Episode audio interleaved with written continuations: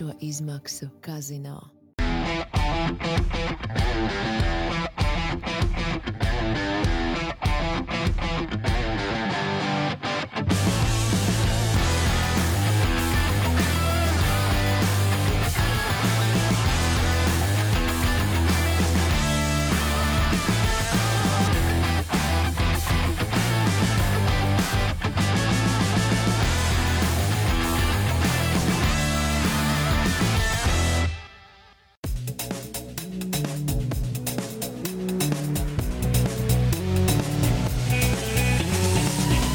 F1 LV podkāsts.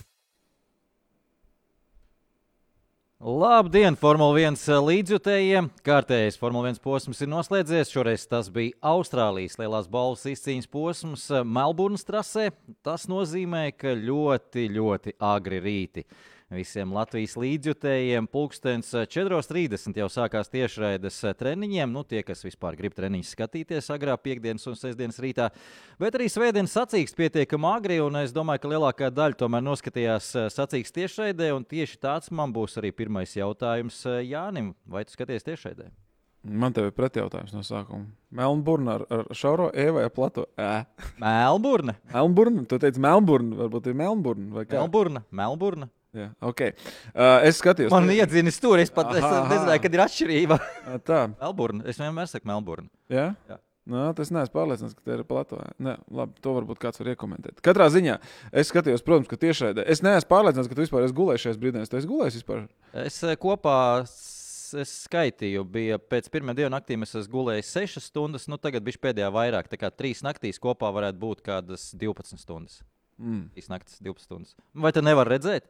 Nu, nē, tas aprīnojumi vēl diezgan labi, diezgan labi saka, izskatās. izskaties. Vēl, o, nu, tad jau tas plīsiens nāks vēlāk. Gan jau, gan jau. Tagad uz, uz, uz pēdējo vēl kaut ko. Pēdējiem spēkiem. Es skatījos, noteikti tiešraidē, viennozīmīgi tiešraidē, tāpēc, ka nu, gala beigās īstenībā diezgan.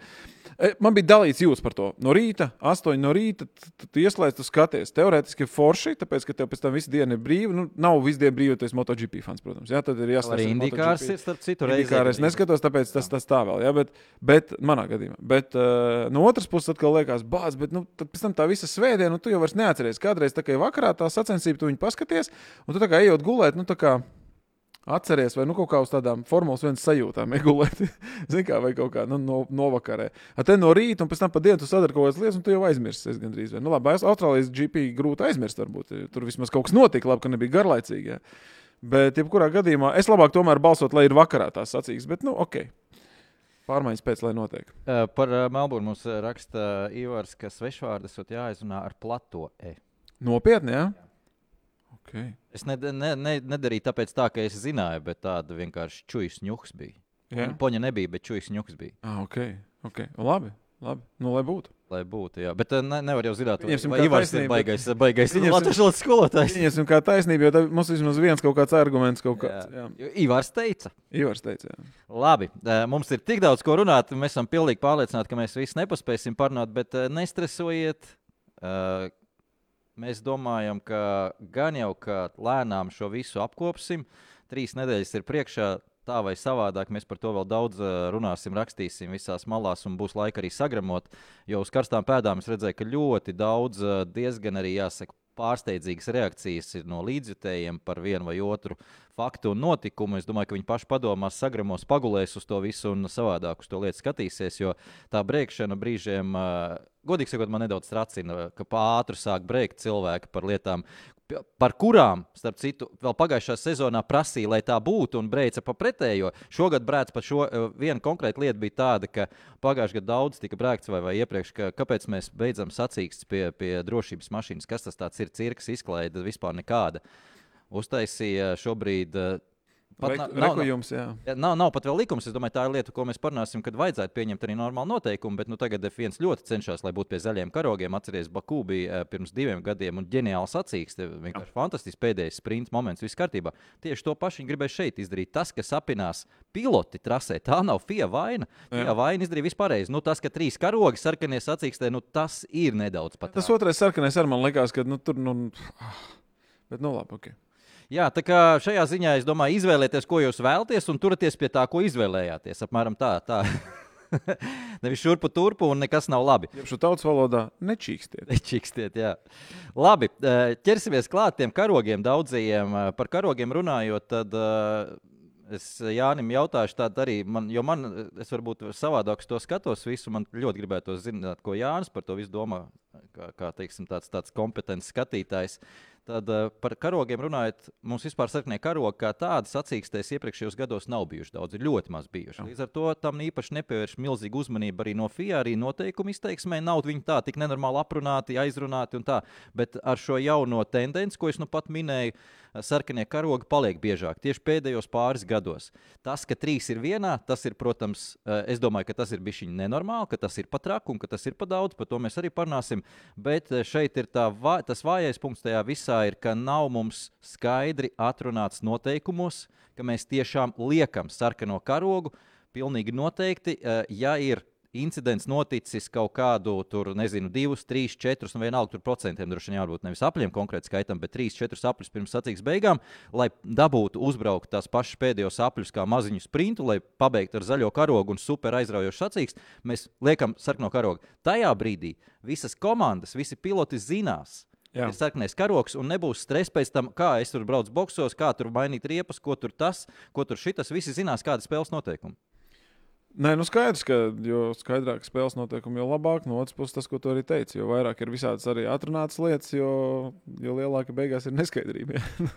jo sarežģītāk viss tas process paliek. Bet, uh, es domāju, šo tas neatiecas. Pirmkārt, es gribētu teikt, ka visdrīzākais, ka ši, šeit ir kaut kāda trasa specifika, kas ir jāņem vērā, kāpēc bija arī šie sarkanie karogi. Jo, Uh, nu, viņi ceļ pāri barjerām šos, ši, šīs formulas, vāc no trases, un uh, tas aizņem kaut kādu laiku, un tur ir arī šaurs diezgan. Uh, Un skaidrs, ka pat otrais, tas laikam Albāna izraisītais sarkanais karogs. Albāna bija pirmais. pirmais.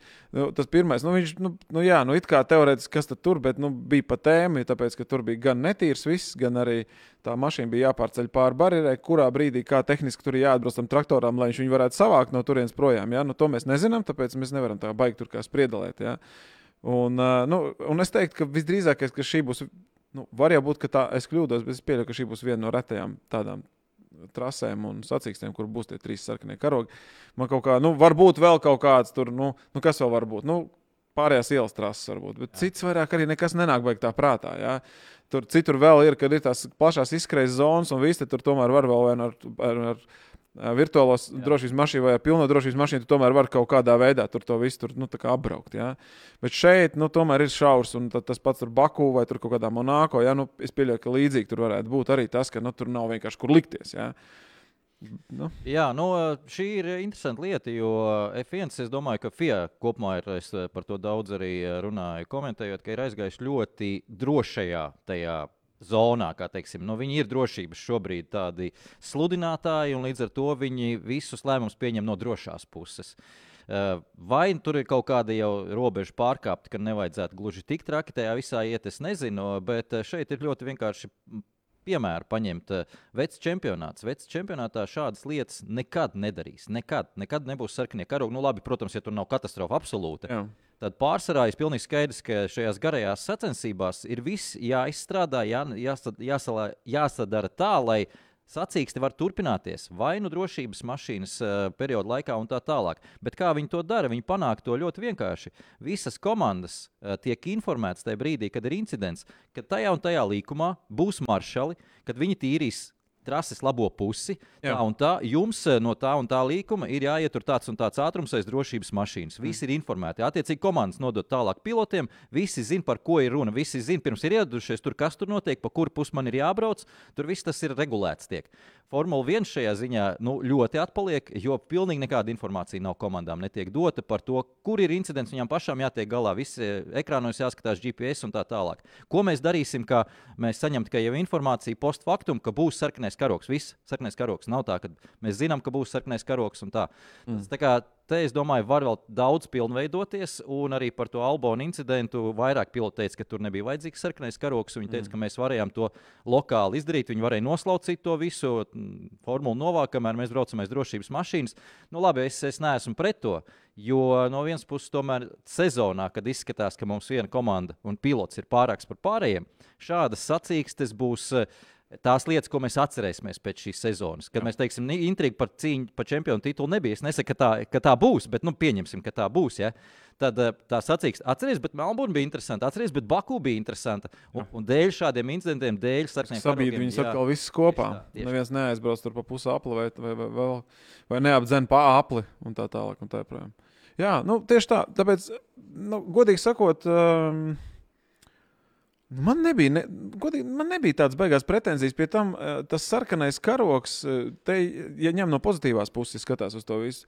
Sarkanais karoks tomēr tās kārtas druskuļi sajauc. Un forši ir, jo saliek jaunas riepas, kāds tur vēl kaut ko tur sadara, kaut kāds, kāds no manis tur antispārni sabojāt, vēl kaut ko.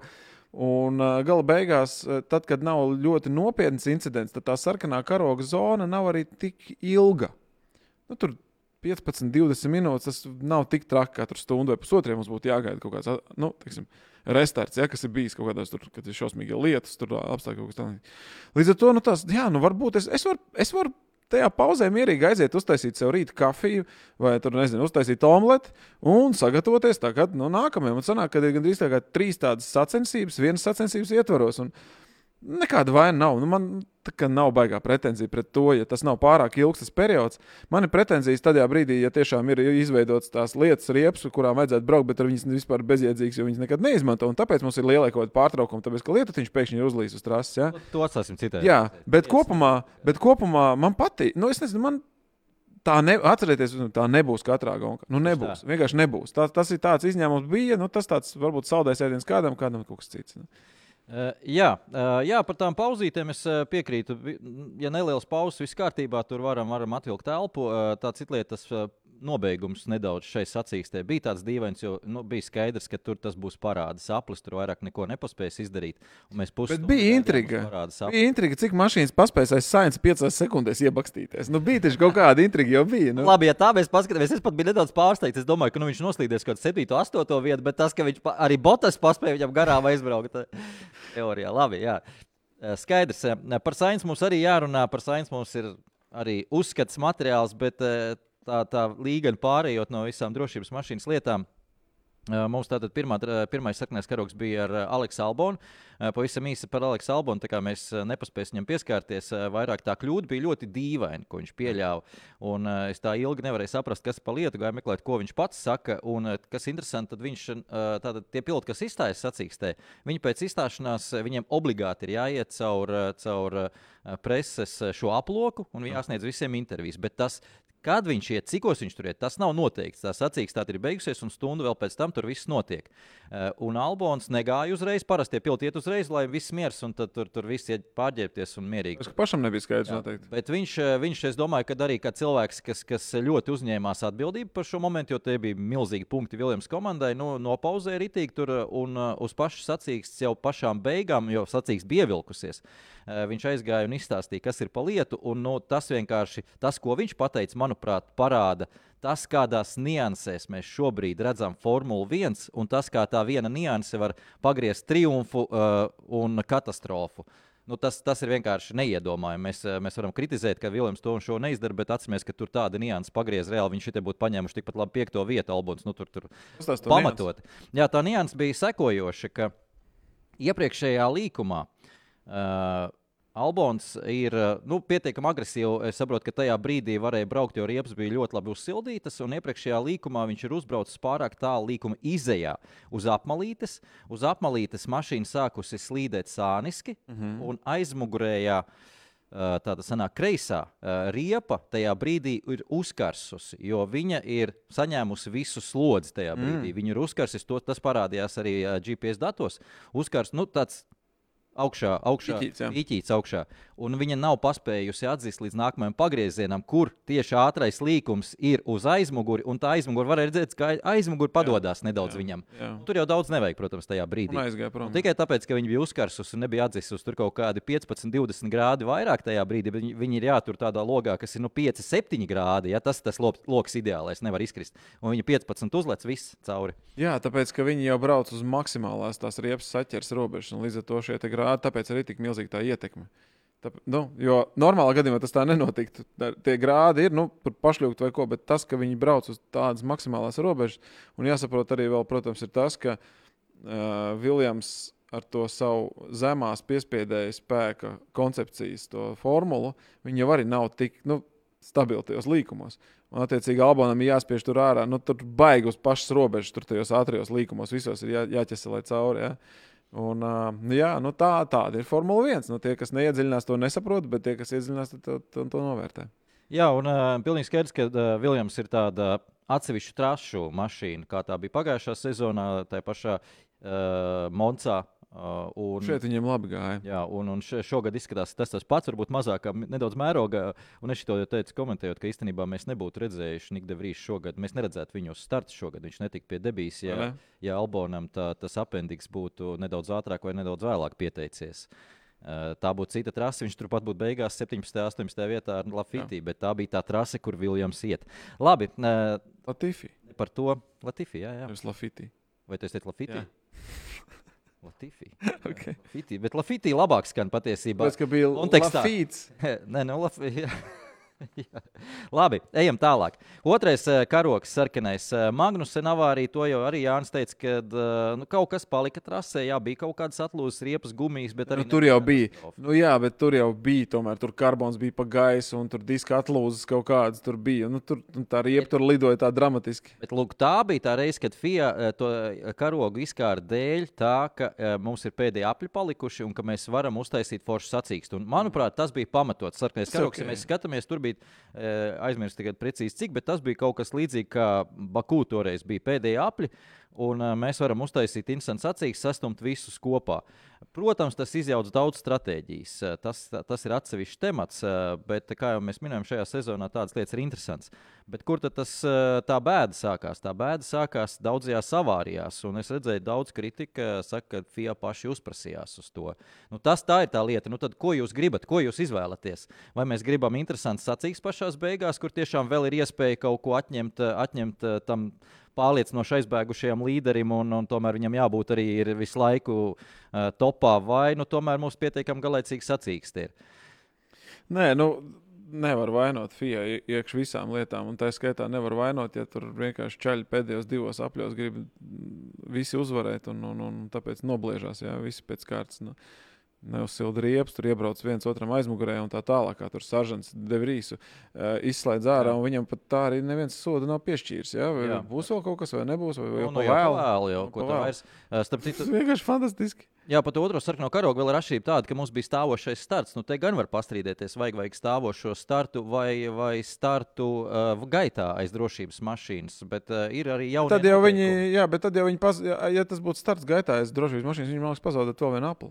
Ne? Jā, viņi pazaudētu vēl vienu apli, bet Jā, nu, nu. tāpat pietiktu, kā vēl ko pacīnīties.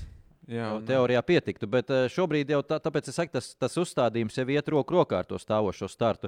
Un tas, ka uz tiem pēdējiem apļiem pilnīgi visi piloti riskēs vairāk, jo ir pēkšņi, viņi ir braukuši visi sacīksti, uh, saprot, nu labi, es augstāk par astoto vietu netikšu, dažs tur vispār punktos netiks, pēkšņi tev tiek dota ideāla iespēja pašās beigās izraut uh, jackpotu. Vai arī viss pazaudēt? Jā, vai arī vispār pazaudēt. Nu, skaidrs, ka tie, kas ir aizmugurē, ies uz risku. Nu, viņiem tādas risks būs vienreiz, eh, vienreiz Tieši tie, kas ir ārpus punktiem. Sezonā tieši tā. Pro- Protams, tie, kas ir priekšā, vienmēr teiks, nē, nevajag riskēt. Aiz drošības mašīnas labāk, viss kārtībā. Tā kā te jau ir dažādas intereses saskars. Un tas, ka viņi iet riskā un tas risks neatmaksājas, un viņi tagad uztaisa tur pirmajā līkumā kaudzi ar atlūzām, nu tā nav FIA vaina tajā Jā. brīdī. Protams, viņi izprovocēja ar savu šo noteikumu, bet atcerieties, ka mums ir pozitīvi. Piemēram, es vēlreiz trešoreiz pieminu Baku, tur viss bija kārtībā. Jā. Protams, tur arī kāds aizbrauc pa taisno. Jā, jā, jā. Nu, jā ne, man nav, es saku, vakar skatījos to sacīkstu, man nevienā brīdī nelikās, ka tur ir kaut kas tāds baigā aplams vai kaut kā tā. Jā, varbūt bija pa daudz tie sarkanie karogi, bet nu, tā ir tā trases arī specifika, un tāda bija šī sacīksta, šā- šī konkrētā dotā mums sacīksta. Un, un nu, bija interesanti, man patika.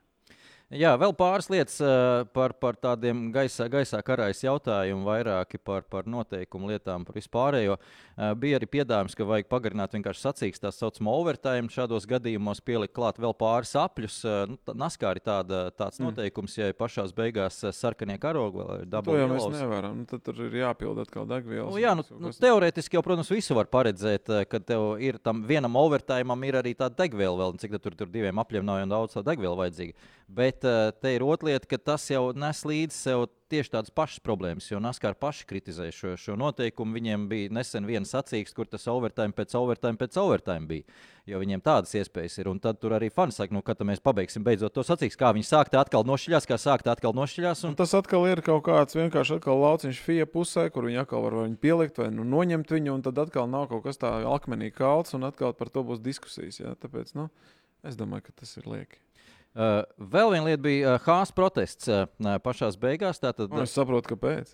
jā, Es protams, ļoti labi saprotu, kāpēc. protams Nikola Hukenbergs, uh, jāuzslavē vispār Nikola Hukenbergs. Jā, jā. gan kvalis, gan gonka. Nu, Vispār sezonas sākums. Es domāju, jau pirmajā sacīkstē varam teikt, ka Steineram bija, bija pareizā, pareizā. Mēs jau, man liekas, arī teicām. mēs teicām, Jā, nu tagad Viss tas labi. vēlreiz ir apstiprinājies. Magnusens bija tas laiž rītīgi, rītīgi laiž, nereāli forši. Man viņš patic vienmēr ir, un tā nu, ļoti labi laiž. Un, uh, jā. nu, viņš reāli varēja būt uz piedestāla, tāpēc jau viņi arī. Fencam iedeva sodu, viņš būtu bijis spēdēs. Nu, jā, nu, par, nu, nu, par ko? Ceturtajā. Tā kā, tas ir saprotams, kāpēc Hāzs iesniedz protestu, un pat no Hāzs pozīcijām tā situācija bija saprotama, jo viņi ņēma precedentu. Viņi ņēma precedentu tātad Silverstonas posmu pagājušā sezonā. Atcerieties, kad Žūna nošķīlās pamatīgi, un tur arī bija restarts, un tur eh, starta kārtība. Uh, restartam tika ņemta pēc drošības mašīnas līnija, kas uh, Silverstonā ir aiz pirmā līkuma, tuvojoties otram uh, līkumam. Tuvojoties uh, ar Renu, man liekas, ka, ka kompleksam. Uh, līdz ar to uh, Hāzs teica, tad darām tā arī šeit. Mm -hmm. Jo viņiem tas arī bija izdevīgi. Viņi bija izpētījuši, kur bija to brīdi uh, Hulkenbergs. Bet nu, pamats ir, tā kā precedents tāds ir. Jā. Tā problēma bija šoreiz tāda, ka Melburnā tā tā saucamā otrā drošības mašīnas līnija, 7 kārta Lane 2, man liekas, viņa oficiāli saucās SC2 eh, tra, trases grafikā. Viņa atrodas pirms pirmā līkuma Mhm. un atrodas pirms bremzēšanas zonas vēl. Un tas savukārt nozīmē, viņa, un, un tas nav ierakstīts noteikumos, ka mums jāņem pēc tās līnijas. Noteikumos ir ierakstīts punkts tāds, ka mums ir jāņem no pēdējā uh, punkta, pēdējās līnijas, kur mēs varam objektīvi noteikt, kāda ir, kārt, start, eh, kāda ir kārtība to brīdi uh, sacīkstē. Objektīvi tas, tas uzsvars ir uz objektīvi. Un eh, šajā gadījumā FIA uzskatīja, ka tas absolūti nebūs objektīvi pirms bremzēšanas, jo līkumā pirms bremzēšanas starta mirklī Daži nesās vienkārši vaiprātīgi, bremzēja ļoti vēli. Protams, acīm redzot, izslīd ārā pirmajā likumā. Un kāpēc mēs tagad dosim viņiem augstāku pozīciju? Tikai Jā. tāpēc, ja, ka viņi ir aiztesušies, viņi no pirmā likuma izņēmuši, kā Jā. Peres, Jā. kā tas pats Sāržants, kas tur Jā. vēl bija Cunoda, man liekas, nu, kaut vēl tur bija tur daži meistari. Un līdz ar to, manuprāt, šoreiz ir pamatoti, ka viņi pēc tā nevarēja ņemt iepriekšējais punkts, pēc kā viņi varēja ņemt, bija vienkārši starta līnija. Tātad, Mm. kā mēs stāvam starta, kā šoreiz, šoreiz pamatot. Nu, un gala beigās, nē, nu, lai arī vēsturi viņi varēja pamainīt tādā ziņā, ka Hulkenbergam būtu varbūt pirmais piedestāls, bet es nedomāju, ka viņš būtu baigi priecīgs, ka tas piedestāls ir atnācis šādā veidā. No otras puses, var jau būt, ka statistika sa savu salabot nemaz nebūtu slikti. Jā. Nu, katrā ziņā Hulkenbergs bija tuvu. Tas nozīmē, ka varbūt Varbūt šajā iespēja. garajā sezonā, varbūt tomēr tā iespēja nav nemaz tik eh, neiesp- ne- ne- nereāla. Un ņemot vērā, kā pa, brauc pats uh, Hulkenbergs, uh, nav nereāli, ka viņš, viņa karjera turpināsies. Uh, nu, te, labi, es nerunāju šobrīd, ka tur vēl viņam ir iespējas kaut kādu renesansu uztaisīt citās komandās, bet nu, Hāzs, es domāju, ka. Uh, Es domāju, ka viņš var ļoti solīti vēl sakārtot lietas. Jā. Mm.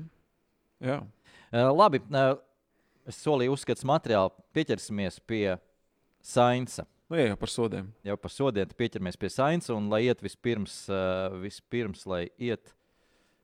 Uzlikšu arī, es ceru, ka būs skaņa, lai iet maziņš video. We have five seconds penalty. No, it cannot be, Ricky. Do I deserve to be out of the points? No. No, Yeah. it's unacceptable. Tell them it is unacceptable. They need to wait until the race is finished and discuss with me. Copy. No, please, ask them, please, please, please, please, to wait, to wait and discuss with me. They clearly the penalty is not deserved. It's too severe. Please, guys, do something, please. I cannot still believe it. We are P3 and P4, and they will put me out of the points for that, for a la- one lap incident. So unfair. I cannot believe they do this to me. It, it's clear, Carlos. It's clear. Let's uh, let's let's finish that race and, and we discuss here. But let me at least discuss with the stewards in the stewards room. Of course, we'll go and see them just after you get out of the car. What are your thoughts on that five second time penalty? Uh, sorry, uh, right now I cannot talk. I'm too angry, too disappointed, too. Uh, I just cannot cannot say anything. I prefer to go to stewards, uh, get the penalty away because I don't think I deserve it, and it's the most unfair penalty I've seen in my life. So uh, I will go first to stewards and then come back. I just need to come to the TV pen because if I don't come, they put me another penalty. So. Nu, nekādas domas. À, nē, nu skarbi. Nu, protams, ka skarbi. Nu, skaidrs, ka vajadzēja būt kaut kādam sodam. Tajā pašā laikā, ja mēs tā ņemam vērā to, ka to apli, vai visu, kas tajā aplī bija, faktiski izdzēs ārā un izmet miskastē. Nu, jo Alonso nolika apakaļ tur tajā trešajā vietā, un tur vēl visu kaut ko šo te, jā. Domāju, nu, nu tā, nu, teiksim, ja retro, retrospektīvā skatīties, teikt, kad uh, Sainz ir saņēmis penalti par apli, kurš nav noticis, tad liekas stulbi. Nu. Nē, nē, šeit es nepiekrītu. Bet savukārt, nē, nu, Pirmkārt, aplis notika, jo viņš tiek ieskaitīts. Viņš ir ieskaitīts kopējā distancē. Otrakārt, tam nav pilnīgi nekādas nozīmes. Jo nav, nav, nu, viņš iz, tāpēc es saku, patiesībā arī, dr- arī Es jau nepabeidzu to, ko es gribēju teikt. Vienkārši es saku, Jā, jā, nu, tieši tā. tā kā tur jebkurš pārkāpums sacīs laikā, arī iesildīšanās aplī, pat ne sacīs laikā, ir, ir, ir sodāms. Nu, Galu beigās eh, visiem Alonso faniem noteikti jāsaka tā, ka, ja viņam šis te penaltī nebūtu ie- ie- iedots, vai ja viņam pat iedotu to penaltī, bet Alonso nebūtu atg- atgrūsts atpakaļ uz trešo vietu, tad jūs teiktu, ka tas ir kā minimums šādu penaltī vajadzēja vai pat lielāku. Ja? Tā kā, nu, jā, cilvēcīgi, protams, var saprast, un tas, ka bija tuvu tu asarām, Nesagāja, Sainz, jā, tas, tas arī traki. Bet uh, šajā gadījumā es domāju, tā, tas viens arguments pilnīgi skaidrs bija, ka šis ir uh, restarts un tas ir uh, analoģija sacīks startam, kur FIA pēc noklusējuma ir nedaudz maigāk skatās uz jebkuru incidentu. Startā vienmēr skatīsies maigāk nekā sacīks uh, laikā, bet šajā gadījumā. Es apstājos arī, ko, kā FIA to ir pamatojusi. Tad tā doma bija tāda, pirmkārt, formulējums bija, ka Sainz ir pilnībā vainojams pie incidenta izraisīšanas. Tā mums ir tas par to nebija jautājumu. Jā, mums ir tā, tā definīcijas, viena predominantly, un šeit ir pilnībā vainīgs. Tā, tā, tā ir cita pakāpe. Un otra lieta bija tā, ka Sainsam bija vieta trasē un bija iespēja izvairīties no incidenta. Un tas bija tas galvenais arguments, kāpēc šoreiz tomēr ir piešķirts sots. Jo startā, kāpēc, kāpēc, tiek, kāpēc maigāks to skatās, piloti ir iespiesti brīžiem, tā kā starp citu bija ar. Uh, pašā, pašā stācijas sākumā, pirms uh, trešā līkuma, ja nemaldos, uh, Leclerc un uh, Lansa Strola moments. Mm. Lansam Strolam bija gan vienā pusē, cilvēks gan otrā, un viņš arī savu pozīciju nemainīja bremzēšanā. Jā. Tad šeit tomēr uh, Sainsam iekšmala visa bija brīva, un viņš aizslīdēja tajā līkumā. Tas, protams, augsts riepas, un mēs visu, mēs visu saprotam, bet Jā. uh, tā, tas neko neataisno. Viņš zina, kāds viņam ir riepas. Viņš varēja strīdēties, un varbūt sots tiešām ir pa, pa bargu, bet uh, kaut kādam sodam jābūt. Nav jau tā, ka FIA ir, ah, mums ir viena sekunde, mums ir divas sekundes, mēs varam trīs sekundes. Nu, nav piecas sekundes, tas ir pirmais mazākais sots šajā gadījumā. Jā, Tādiem incidentiem. Nu, Absolūti. Un, nu, ko, ko es no šī visa varu paņemt? Nu, to, ka Sainz ar dažiem, cik tur sanāk punkti par to vietu. Cik viņš bija? Ceturtais viņš bija. Viņš brīdī, viņi jau, man liekas, ka trešais. Viņš bija trešais. Trešais Jā, viņš bija trešais. Jā, jā, jā viņš bija trešais, jo Kukenbergs bija. Attiecīgi viņš 15 punktus samaksāja par uh, attiecību saglabāšanu ar Alonso. Nu. Alonso, interesanti, viņam prasīja intervijā par šo Alonso. Teica, ka es arī uzskatu, ka sots ir par bargu. Eh, Par šo incidentu viņš nevienā brīdī neteica, ka Sainz nav vainīgs. Mm, jā, viņš neteica? Nu, tāpēc, ka tā, tas Eh, Jā, viņš, eh, viņš arī tur tos mīkstinoši iemesli, protams, sākums tur viss, visi un tā un šitā un uh, augsts riepas, bet, uh, bet tas, ka sots ir par bargu, viņš atzina. Bet vienmēr ir vieglāk runāt tajā brīdī, kad tu esi trešo vietu dabūjis, nosvinējis, esi labā garstāvoklī un mierīgi. Ja tu būtu trases malā uh, izsists pēdējā aplī un netiktu uz godu piedestālu, es domāju, no Alonso arī nedaudz cits teksts tomēr būtu. oh, jā, viennozīmīgi. Ka, viennozīmīgi. Skaidra lieta. Un, un vēl viena lieta par Alonso. Vai jūs esat piefiksējuši, kā Alonso godu piedestāls izcīna? Nu, tas ir vienkārši fenomenāli. Pirmajā posmā, pēc tam, kad sadursme, maksimāli sadursme ar savu komandas biedru, viņš tiek līdz piedestālam. Uh, otrajā posmā viņš dabū, viņam atņem to trešo vietu, atdod to trešo vietu, tur peripētīs maksimāli šajā posmā, pēdējā aplī. Viņš vēl vispār izsīs trases malā, atgriežas trasē ārpus punktiem, bet nē, viņš tiek pie trešās vietas atkal. Ko viņš izdomās uz nākamo posmu?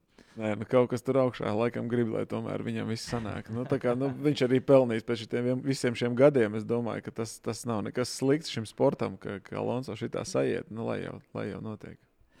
Uh, nedaudz par pašu sacīksti, laikam, vajadzētu parunāt. uh, Jo man ir viena liela bēda šī, šī visa sakarā, uh, tā kā sacīkste sāka veidoties tās pašā sākumā. Ļoti, es ļoti, ļoti gribēju redzēt, vai nostrādāt labi, vai nostrādāt vai nē. Šobrīd ir ap, apmēram aprēķināts, uh, un, un mēs varam pateikt, vai nostrādāt Rasela stratēģija, bet kā tā nostrādāt vai nenostrādāt. Es gribēju redzēt līdz galam, un to mēs neredzējām. Protams, Raselam var arī tehniskas problēmas, kas to visu, uh, visu uh, neļāva mums uh, noskatīties līdz galam, bet tas, ka sākumā izvirzījās līderpozīcijās abi divi Mercedes komandas uh, piloti, un Rasels bija vadībā, varēja kontrolēt to situāciju un varēja nedaudz mierīgāk sākt domāt par savu stratēģiju, jo buferis vēl bija aizmugurē. Uh, Bet uh, viņam bija atšķirīga stratēģija no uh, Hamiltona Jā. tajā brīdī, kad, eh, kad eh, attiecīgi notika šī sarkanie karogi, tajā brīdī, prot- protams, tā stratēģija visa, visa aizgāja pa pieskari. Bet vai būtu viņam izdevies eh, noturēt Verstapena aizmugurē, šobrīd ir aprēķini tādi, ka pilnīgi noteikti nebūtu izdevies. Bet eh, priekšā Hamiltonam ar savu stratēģiju acīm redzot, būtu bijis Rasels. Jā, nu viņš arī izskatījās ātrāks gala beigās. Gan, gan kvalifikācijā viņš bija ātrāks, gan arī trasē viņš izskatījās ļoti pieklājīgi pret, pret, arī pret Hamiltonu. Un, uh, un es domāju, ka visdrīzākais, ka viņš būtu, nu, ja viņam tur būtu trasē jācīnās par pozīciju, tas būtu ļoti interesanti. Protams, mēs gribētu to redzēt. Bet, nu, jā, nesagāja, nesagāja nekas. Un, uh, bija arī viena tāda, vien tāda mēma, kur bija, kur, uh, ka, uh, ka iekšdedzes dzinējs tika izgudrots tur 800 kaut kādā tur tajā gadā. Un pirms šī gada.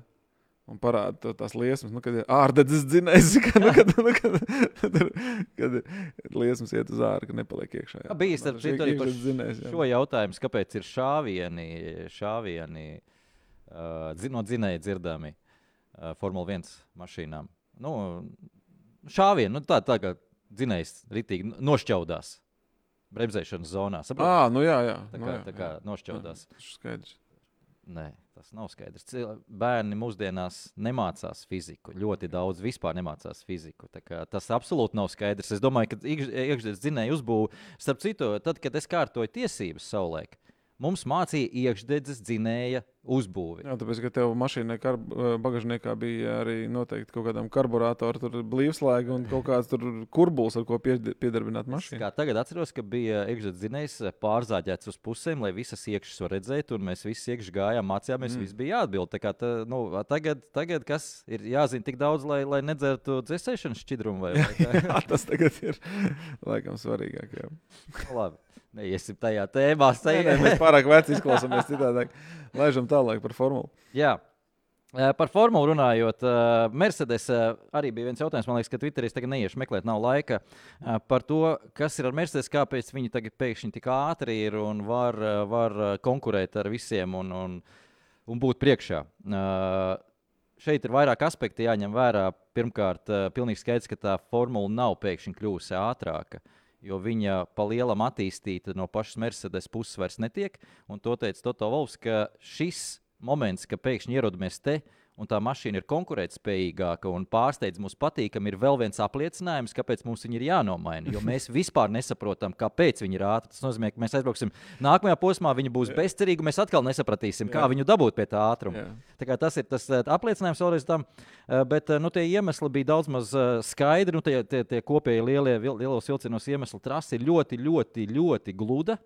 Vienu gadu vecs tikai asfalts, ļoti, ļoti maza abrazīva. eh, Kas nāk par labu Mercedes, viņi var nolikt to mašīnu ārkārtīgi zemu, nav bedres. eh, Un jo zemāk ir mašīna Mercedes gadījumā, jo labāk strādā, jo tuvāk viņi ir tam ideālajam modelim, kāds viņiem ir aeronautiskajā tunelī. Mm. Un, eh, protams, tas reālā dzīvē nestrādā dēļ visām bedrēm, visā pārējā, bet eh, nu, tad Melburna viņiem nodrošināja maksimāli tūs šos, šos, eh, šos apstākļus. Un otra lieta ir gal galā, nu, eh, Ferrari sapnās meistarībā. Viņi nebija tur priekšā ar visiem pārējiem, būtu viņi bijuši. Nu, Mercedes nebūtu tik labās pozīcijās. Nu, Aston Martin redzam, nu, turpat vien bija. Tā kā es domāju, ka tādi ārējie, līdz, eh, ārējie apstākļi vairāk šoreiz, šoreiz bija par iemeslu tam. Jā, es nevaru sagaidīt, kad uh, Mercedes atvilks kaut kādu tur to B variantu savai formulai. Tas būs ļoti interesanti. Cik ļoti zem viņi nokritīs. Jo man liekas, ka nebūs uzreiz beigās progresa uz augšu. Bet tas būs interesanti. Jā, jā, to mēs visi gaidām. Līkni pēc tam vērot, kā viņi kāps augšā. Es nedomāju, ka viņi tā uzreiz trāpīs. Nu, kaut gan Ferrari ar Red Bull trāpīja. Nu, skatīsimies.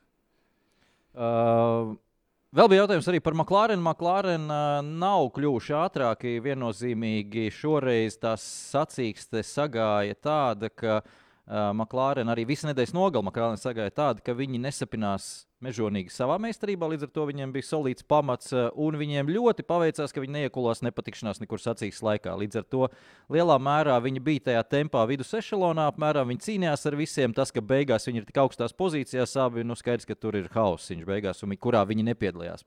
Par laimi, un beidzot arī punkti abiem diviem, un punkti savā mājās pie Astrī, kas ir fantastiski. Jāteic gan, ka Norris ar Hulkenbergu, ne, ar ko viņš tur cīnījās, uh, apdzina trasē. Kāda Norisam bija baigi interesantā sacīksme. Jā, ar ko viņš tur- Viņam viņš bija tur- Alfa Tauri, ar ko viņi cīnījās, viņam bija Hārs, ar ko viņi cīnījās. Man patika, ne, nu, tādā ziņā, ka viņi tomēr nu, brauc vismaz. Nu, jau jāsaka, priekš Maklārena izklausās nožēlojami, bet jau brauc Hāzes tempā. un Tas jau, nu, jau šim gadam diezgan, Jā. diezgan pieklājīgi. Ja? Nu, jā, jebkurā gadījumā es gan teiktu, ka vēl vairāk sagāja Alfa Romeo pilotiem.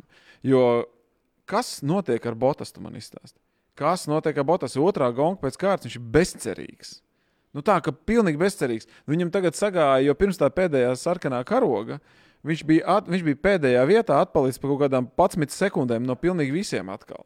Nu, tā kā pilnīgi, pilnīgi bezjēga tur bija totāli. Un tad vienkārši no tā visa lēmbas viņš hopā un vēl punktos trāpīja iekšā. Jā, nu. Es teiktu, ka šajā visā, manuprāt, tas labākais ir. Nu, skaidrs, ka tur ir pie vainas mašīna, par to nav ne, ne, ne, ne runas. Bet, Žūbrauc ātrāk. jā, tieši ka to es gribēju arī teikt. ka Šajā visā tas labākais, kas mums jāpaņem no tā, ir, ka Žūja ir pakāpeniski no pagājušās sezonas mm. beigām licis klāt un būvējis un to pārliecību uzaudzējis. Jo, kā teica Botas, viņam, eh, viņš, protams, vaino arī pats sev. Viņš diezgan tāds, tāds Es teiktu, ka tāds baigi nobriedis cilvēks ir kļuvis kopumā mm. un, un skatās uz dzīvi reāli.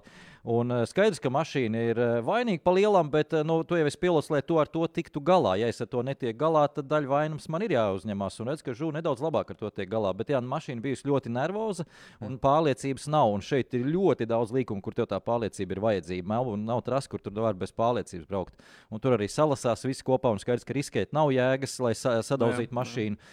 Un viņš pat tu, respektīvi, tu brauc uz 95%, un tu pat nelien tajā, tajā, tajā pēdējā, pēdējos procentos, jo skaidrs, ka tas risks ir milzīgs un iegūms ir minimāls.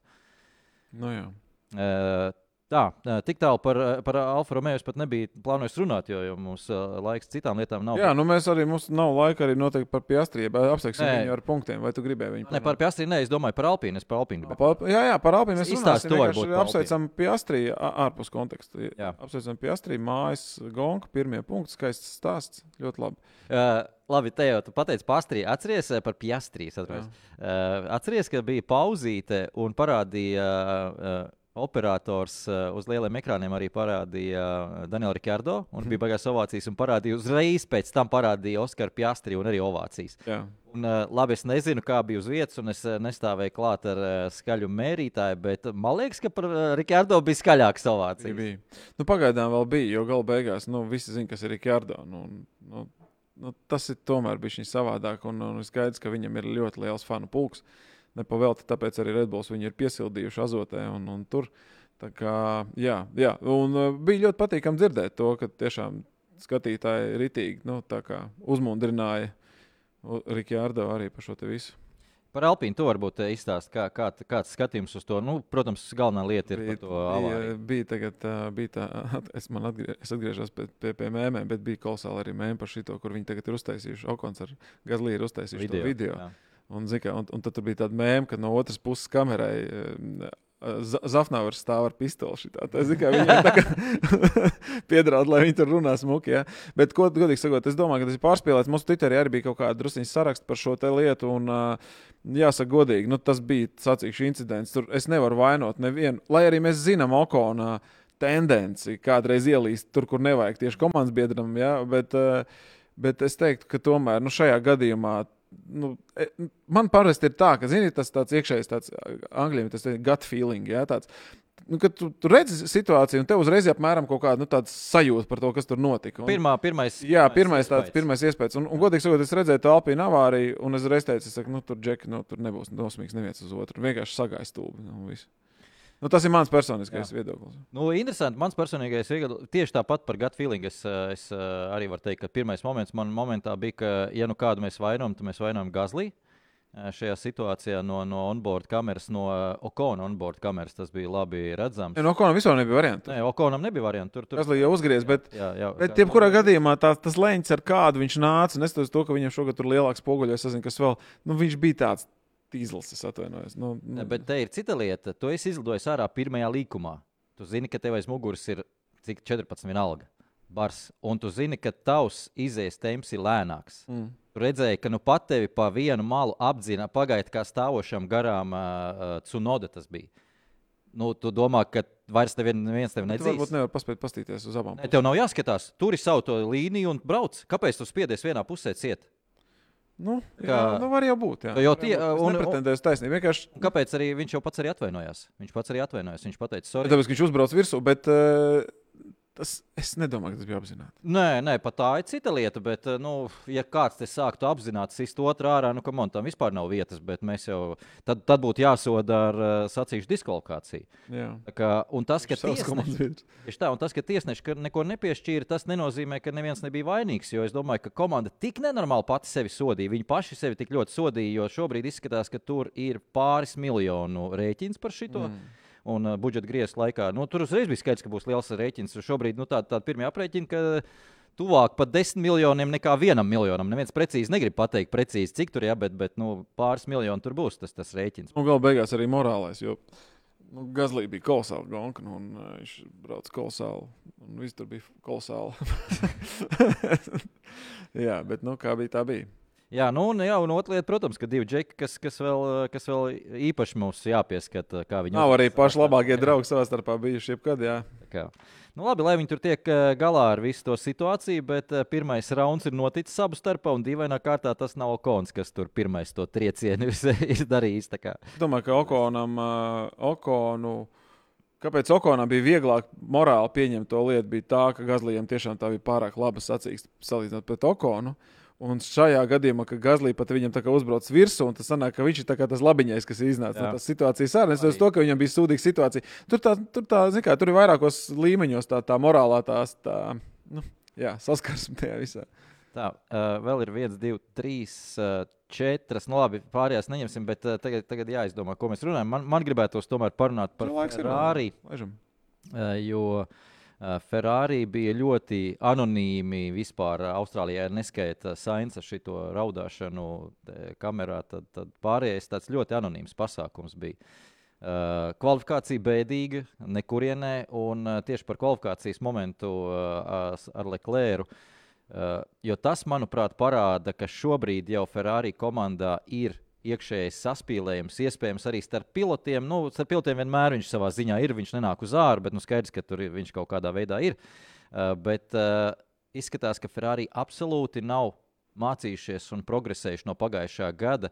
Tik ļoti liela nepārliecība, var tā, tādīgs teikt, liela nepārliecība, dubultais, no, no, ne, nesenāk dubultais, bet nu vienalga.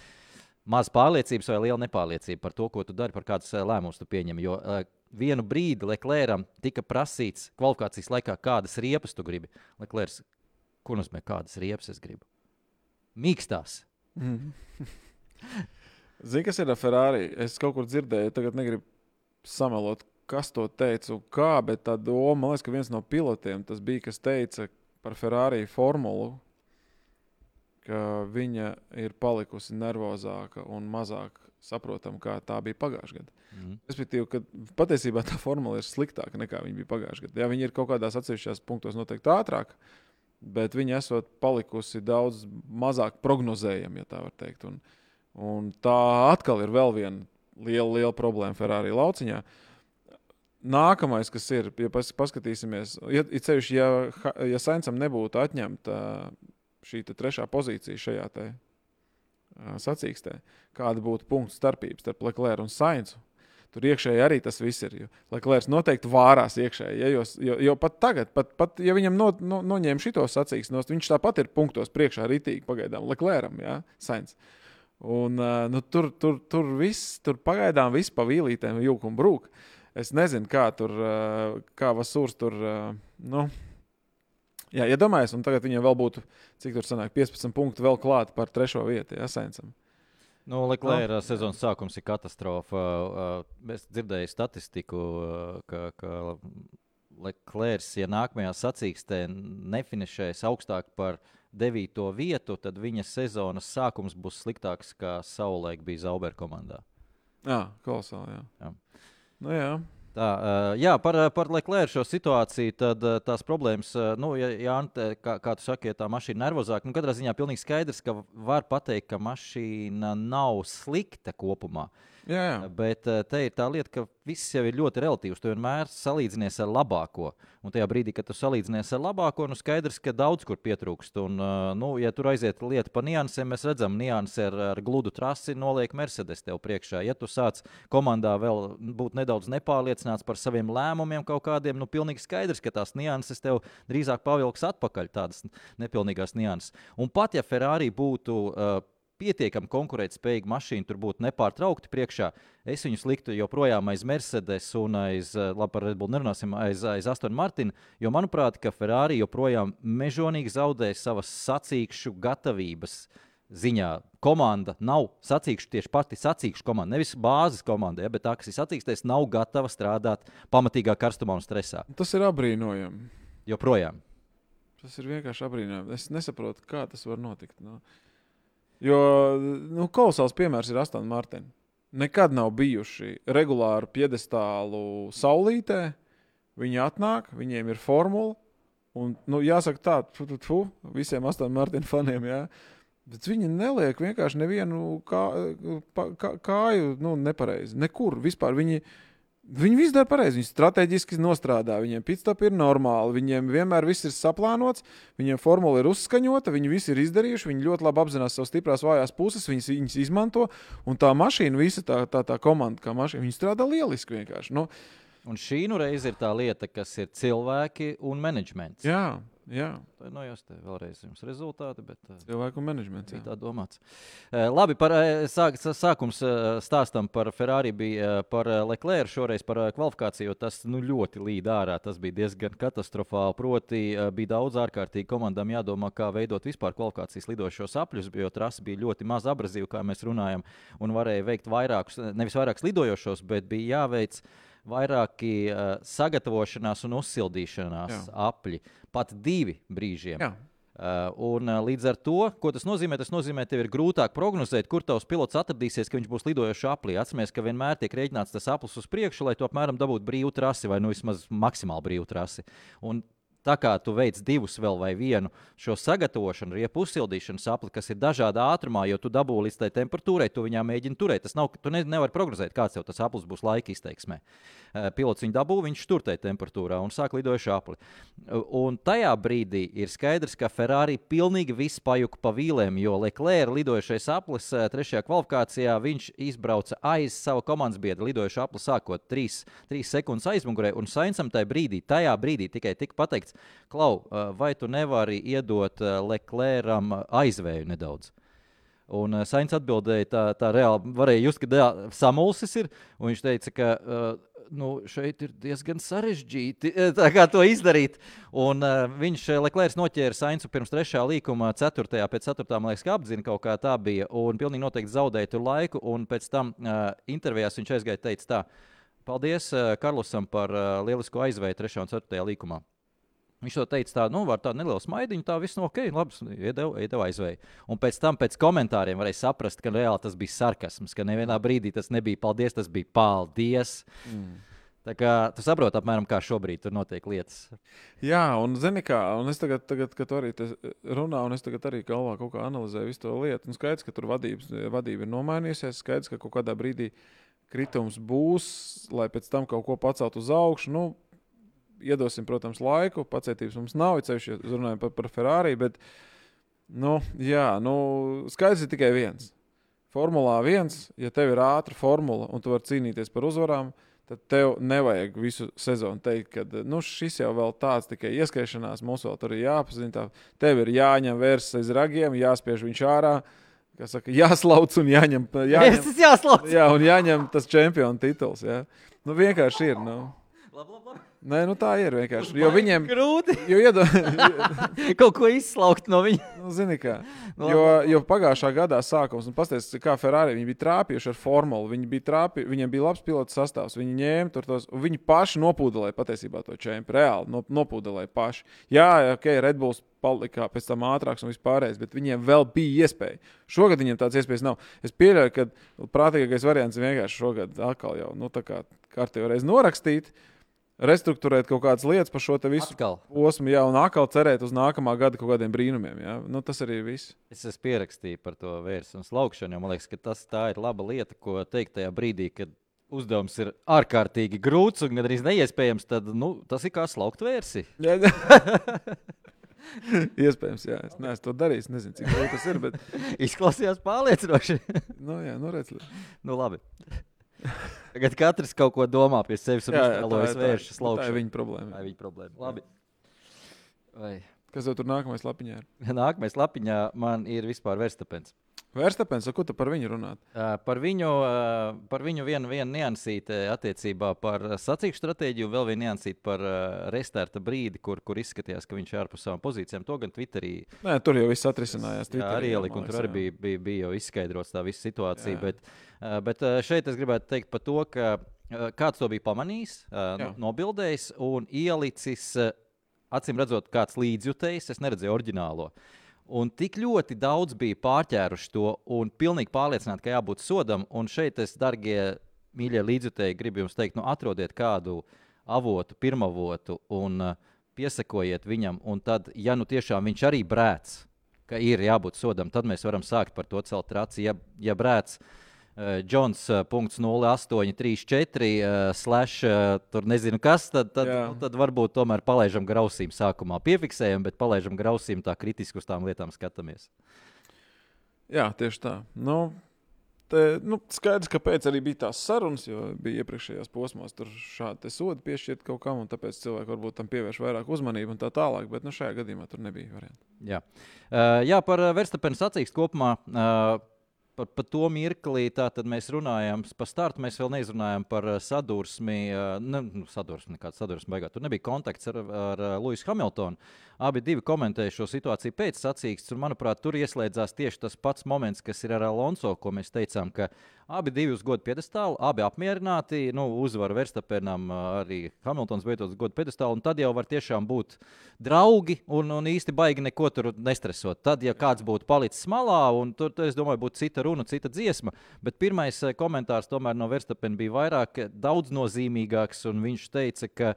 Uh, Es, eh, nu, apmēram tādā veidā, ka es, es atcerēšos šo. Es atcerēšos, ka mēs tā varam tagad darīt. Nu, Oh, tagad, come on, viņš visu savu dzīvi tā ir darījis. tā, un, un tas bija tas pārsteidzošākais, jo parasti Verstapēns nav tas džeks, kas atstāja iekšmalas tādas tik brīvas. Nu, bet, Viņš ļoti aizsargāja iekšmalas, un šoreiz bija tas, eh, kas uh, Lūsis Hamiltons, kas izmantoja to nu, kurš iespēju. varētu par šādu kustību vai, vai šādu epizodu vispār čīkstēt? Nu, tad Verstapens varētu vienkārši paklusēt. Tā kā, nē, es domāju vairāk par to, ka tas, tas nav beidzies un tas nebeigsies. Tie puiši abi divi, es domāju, ka viens otru Dodiet atpakaļ. es šautriņām redzēt. eh, Es viņu redzēt. posteros. tā Es kā- gribu redzēt. Jā. Dodiet. Tieši tā. Ļoti patīkami bija paskatīties, ne patīkami, bet ļoti interesanti bija paskatīties, kā bija tā divas atšķirības starp eh, tā, ka Verstapens stāv pa vidu un vienā pusē ir Leclerc un Alonso, un tad, kad viņš stāv pa vidu un vienā pusē ir Russells un Hamiltons. Un tad, tad uh, bija tāds bildes salikts kopā, tad, tas bija, kad viņš, viņš tur abas divas ir apķēris apmēram šitā, un te ir tā, ka rokas aiz gar sāniem apmēram, un es nezinu vispār, ko tagad darīt. Tagad, tur bija vēl labāk. Tur bija tā, ka viņi jau parasti arī apķerās, un tur bija tā, ka Rasels arī Hops jau apliek roku. Jā. Verstapenam saprot, ka tas neko nedara, vispār noroja atpakaļ. Jo Verstapens saprot, ka vienā pusē ir uh, Hamiltons, nu kā tā es tikai ar, Raselu apķeršos. Nu, skaidrs, ar to es Tas bija šausmīgi neveikla situācija, bet tā bija forša. Man patīk, šīs nianses ir ļoti labas. La, Man, man gan salamāja viens no līdzekļiem, teica, ka lai es nepievēršu tādu uzmanību tādām niansēm, un ka nekas tur nav. Bet, bet man liekas, ka tomēr ir. nu kā tā nav? Nu, protams, ka ir. Nu, ķermeņa valodu nekad nevar noslēpt īsti. Un, un, un, un, ja to spēj nolasīt, tad tur var diezgan daudz lietas izsākt salasīt. Eh, Bet vēl viena nopietnā lieta par, eh, par Verstapena situāciju sacīkstē, par tās tas vairāk uz sacīkšu stratēģiju. Uh, šis moments ar pirmo drošības mašīnu un pirmo sarkano karogu, tātad Albonam pateicoties, bija diezgan agri sacīkstē. Un skaidrs, ka šī bija viena boxa apmeklējuma sacīks. Tad no Jā. paša sākuma jau bija skaidrs, ka lielākā daļa vadošie piloti mums bija ar vidējā sastāvā riepām.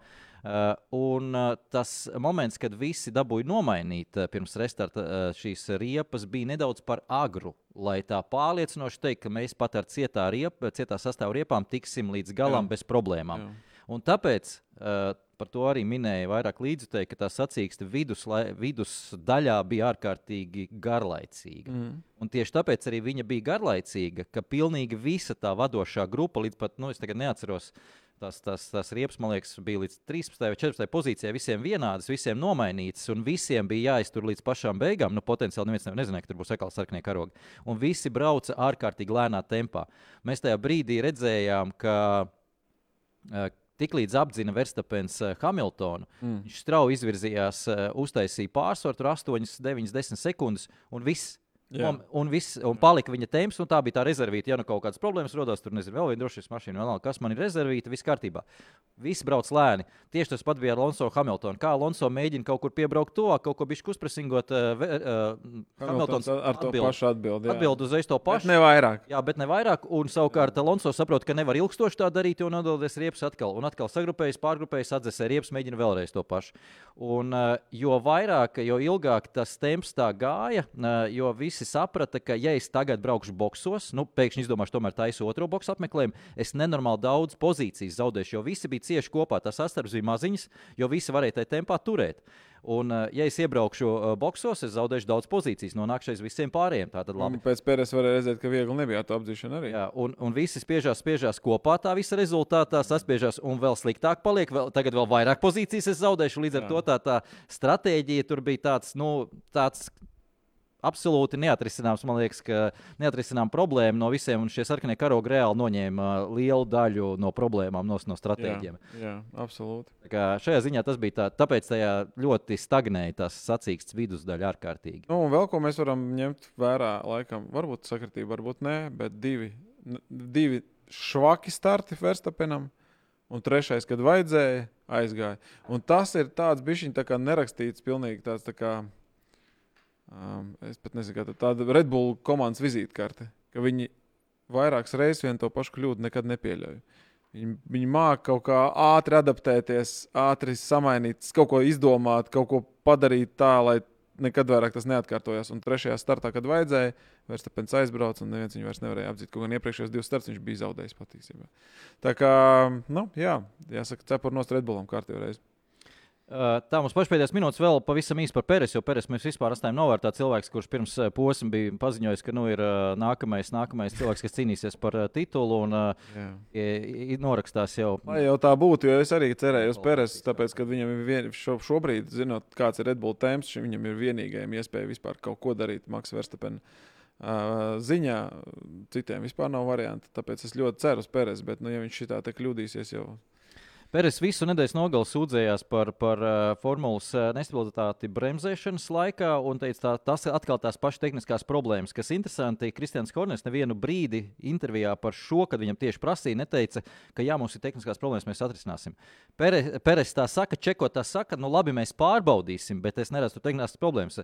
Domāju, ka tā gluži nevar būt, ka Peres pēkšņi pilnībā izdomā, ka tur ir tehniskas problēmas. Uh, bet uh, šobrīd, nu, cik, cik, Drīzāk Horners negrib par to runāt. Nu, arī, arī fakts, jā, cik ir saprotams, tad tomēr ir kaut kāda zināma problēma joprojām ar aizmugurējo asi eh, Red Bullam, proti ar šo eh, reģenerācijas sistēmu, kad eh, drive by wire, break by wire sistēma, kas ir pie aizmugurējās asas pieslēgta, līdz ar to arī bremzēšanu nodrošina.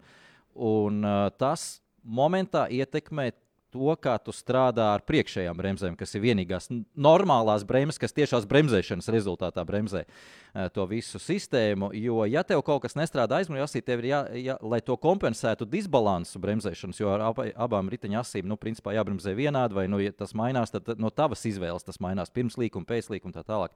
Eh, Bet, ja tev aizmugurē nestrādā stabili vai konstanti, tas nozīmē, tu strādā pats ar eh, balansu. Pārnes uz priekšu viņu, pārnes atpakaļ, uz atpakaļ. Tu nevari paļauties, tātad tu pārnes uz priekšu. Un tajā brīdī, kad tev balans ir pārnests uz priekšu, bremzēšanas brīdī, nu, tev ir ļoti nestabila mašīna, ieejot līkumos, un par to viņš eh, sūdzējās.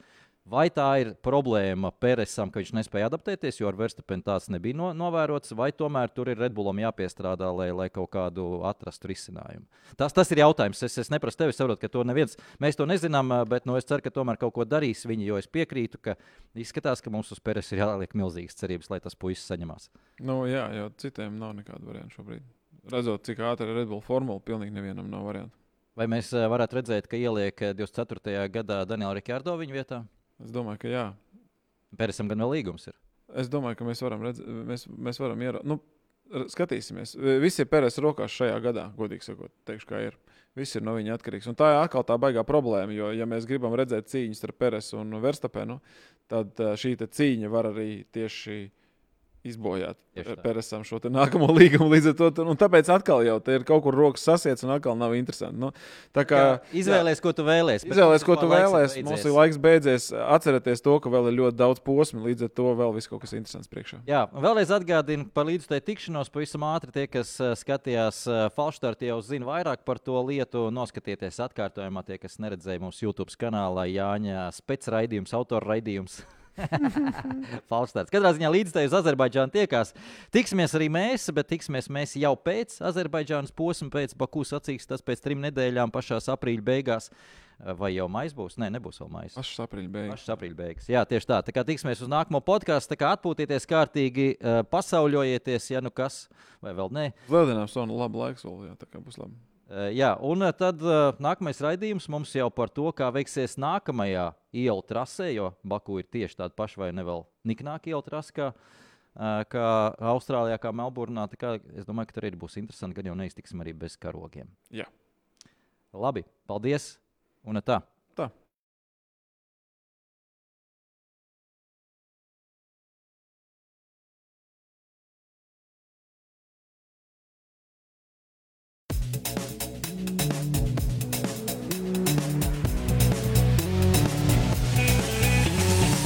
F1 LV podkāsts.